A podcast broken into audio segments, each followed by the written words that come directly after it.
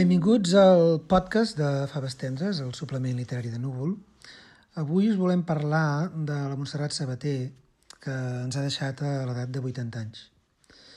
Els que vam tenir la sort de coincidir amb ella, a edició 62, la recordem com una persona d'una gran sociabilitat, una dona que treballava amb tenacitat i geni, i era alhora apassionada i molt afable amb els joves que a principis d'aquest segle començàvem a treballar de redactors o d'editors o de responsables de premsa a l'editorial. Envoltada de gent molt més jove que ella, la Montserrat va poder transmetre el seu savoir-faire i alhora aprendre el que li aportaven les noves generacions. La periodista Rosa Pinyol, que ens va informar durant molts anys de les novetats de literatura catalana des de les pàgines de La Vanguardia, ens parla dels dos grans referents editorials que van marcar la vida professional de la Montserrat. La Montse Sabater va ser una figura important de les bambolines del món editorial en l'últim terç del segle passat. Peça clau al costat dels editors Carlos Barral primer i Josep Maria Castellet més tard, mm, va fer d'eficaç corretja de transmissió amb la premsa, amb iniciativa i un tracte sempre amable i cordial. Crec que la Montse va ser una lluitadora en tot moment, entusiasta, que va saber compaginar l'entrega a la feina, que l'apassionava, amb una vida personal plena d'obstacles i dificultats. Sí, com ens diu la Rosa, la Montserrat va començar a treballar al sector editorial a començaments de la dècada dels 60 de la mà de Carlos Barral. Anys més tard, cap al 1984, de la mà de Josep Maria Castellet, es va incorporar a l'equip d'Edició 62 per fer-se càrrec del Departament de Relacions Públiques i Comunicació fins que es va jubilar l'any 2003. En un esplèndid obituari publicat al diari El País, en Carles Geli fa justícia a una figura com la de Sabater, que no hauria de tenir una mort anònima. Si la història de la literatura i de l'edició es pot escriure molts cops en majúscules, és perquè hi ha gent capdalt al darrere. Noms que s'escriuen en minúscula i que gairebé sempre, injustament, apareixen perduts en algun paràgraf, en alguna nota a peu de plana, o com a molt en una tirallonga de noms d'una inacabable llista d'agraïments, que són allò que no llegeix ningú si és que no sap que, qui pot sortir. Aquest va ser el cas de, de Montserrat Sabater, mà dreta amb molts anys de Carlos Barral i Josep Maria Castellet, que no haurien estat els editors mítics que van ser si ella no hagués estat a la rebotiga dels seus, dels seus projectes. Barral era un geni eh, amb una pituitària literària gairebé irrepetible però també amb tendència al, al, al caos, a, a la improvisació, a la inspiració bohèmia. Sense Montserrat Sabater, al darrere, les maquinàries dels Premis Biblioteca Breve, de les lluminoses converses de Formentor i dels Premis Internacionals de Literatura haguessin grimpat. Fins i tot un home com ell, molt gasiu en l'elogi, digué que feia les seves tasques administratives i gerencials con mucha eficacia, por cierto, eh, en una de les tres breus vegades que va parlar d'ella en tots els seus volums de memòries. Un altre capítol important de la vida de Montserrat Sabater va ser la seva participació en tota l'organització del Premi de Literatura Formentor, que es va celebrar a Mallorca als anys 60. El periodista Josep Massot en situa la figura de Sabater en aquell esdeveniment internacional – que va ser una escletxa d'aire fresc en els anys de plom del franquisme. Montse Sabater era una persona entusiasta de la cultura de qualitat, amiga dels amics, rigorosa en la feina, eficaç en posar ordre, el desori que el tarannà anàrquic de Carlos Baral imposava a la seva editorial. Juntament amb Joan Petit i Gabriel Ferreter, però sobretot Jaime Salinas, va ser essencial en l'èxit de les dues edicions del Premi Formentor, celebrades a Mallorca, i que van reunir a les millors editorials europees i nord-americanes, com ara Gallimard, Einaudi, Rowald o la iconoclasta Grou Press, i també els millors escriptors internacionals de l'època, molt d'ells futurs premis Nobels. Ella guardava en discreció tots els secrets del món literari en aquella època de censura i repressió policial. Després, Josep Maria Castell la va dur amb ell a edició 62 fins la seva jubilació, el 2003. En ella desapareix un testimoni dels temps heroics de quan les editorials literàries eren més actors culturals que peces de la cadena industrial.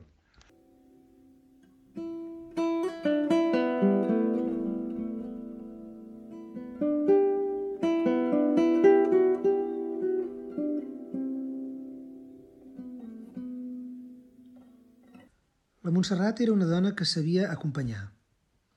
Acompanyava els editors en la seva feina, però també els autors en les seves presentacions. L'escriptor Rafael Vallbona defineix en poques paraules la singularitat de la figura de Sabater. La Montserrat Sabater ens va ensenyar la manera com els editors i els autors havien de tractar amb la premsa i viceversa. Però això era quan escriure i editar eren un art. Que la seva memòria ens il·lumini, ara i sempre. Sabater també va ser una figura clau a l'hora de connectar els autors amb el teixit llibreter. En Guillem Terribas, fundador de la llibreria 22 de Girona, ens dona la dimensió de la seva figura la Montserrat eh, Sabater és la primera cap de premsa mm, comunicadora o que controlava els autors de les editorials, en aquest cas concretament de el grup 62 o l'edició 62 en aquell principi i que doncs estava molt lligada amb en Castellet i amb la gent que hi havia 62, però quan jo deia que em, em va ajudar és perquè als inicis de la llibreria 22, quan van començar a fer presentacions, doncs ella va ser la primera que s'hi va abocar. Portava premis eh, des del Premi Prudència Bertrana a altres eh, autors i, i ella mateixa els acompanyava, els aportava i, i anàvem a sopar. La Montserrat era una dona que aparentment semblava, eh, ho dic entre cometes, una mica allò per sota, però en canvi tenia una agenda, tenia un coneixement i una psicologia perfecta. Eh, en els llibreters ens tractava molt bé, jo em vaig sentir un privilegiat amb ella.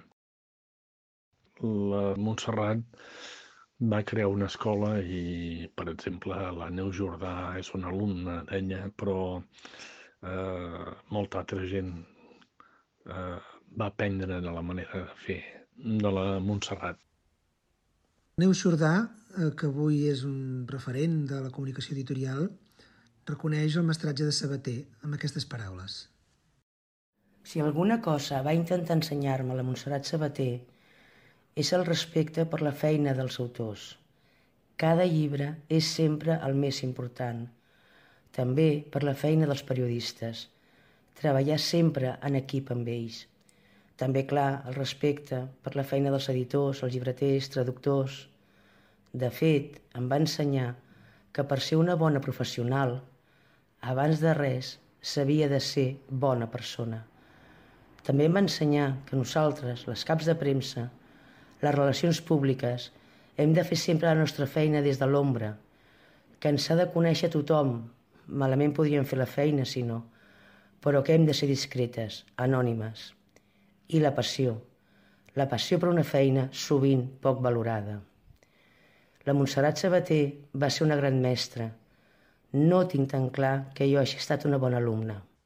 Ja jubilada, eh, la Montserrat va continuar col·laborant amb el Josep Maria Castellet, posant ordre a casa seva, classificant, arxivant tot el seu fons personal. Hi havia documents, fotografies, llibres, quadres que s'acumulaven al seu pis del carrer Bailent i que calia endreçar. La Pilar Beltran, editora d'Edició 62, ens parla d'aquell suport incondicional i d'una troballa sorprenent. La Montserrat va començar a posar ordre, es va dedicar a endreçar tot el fons documental personal que el Josep Maria Castellet tenia a casa seva i va ser ella qui, enmig d'unes corpetes, va trobar al dietari de 1973, que el Josep Maria recordava que l'havia escrit, però que per suposat no sabia ni on tenia guardat els papers ni tot plegat.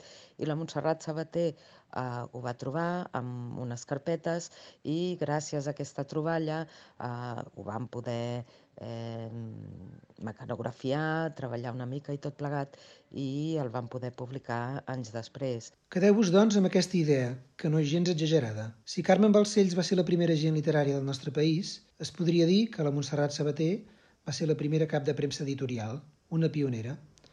Ara, la seva desaparició fa més certa aquella frase absurda de Salvador Dalí que diu «S'està morint molta gent que no s'havia mort mai». Estic segur que si ens pogués sentir, la Montserrat hi estaria d'acord amb un somriure als llavis.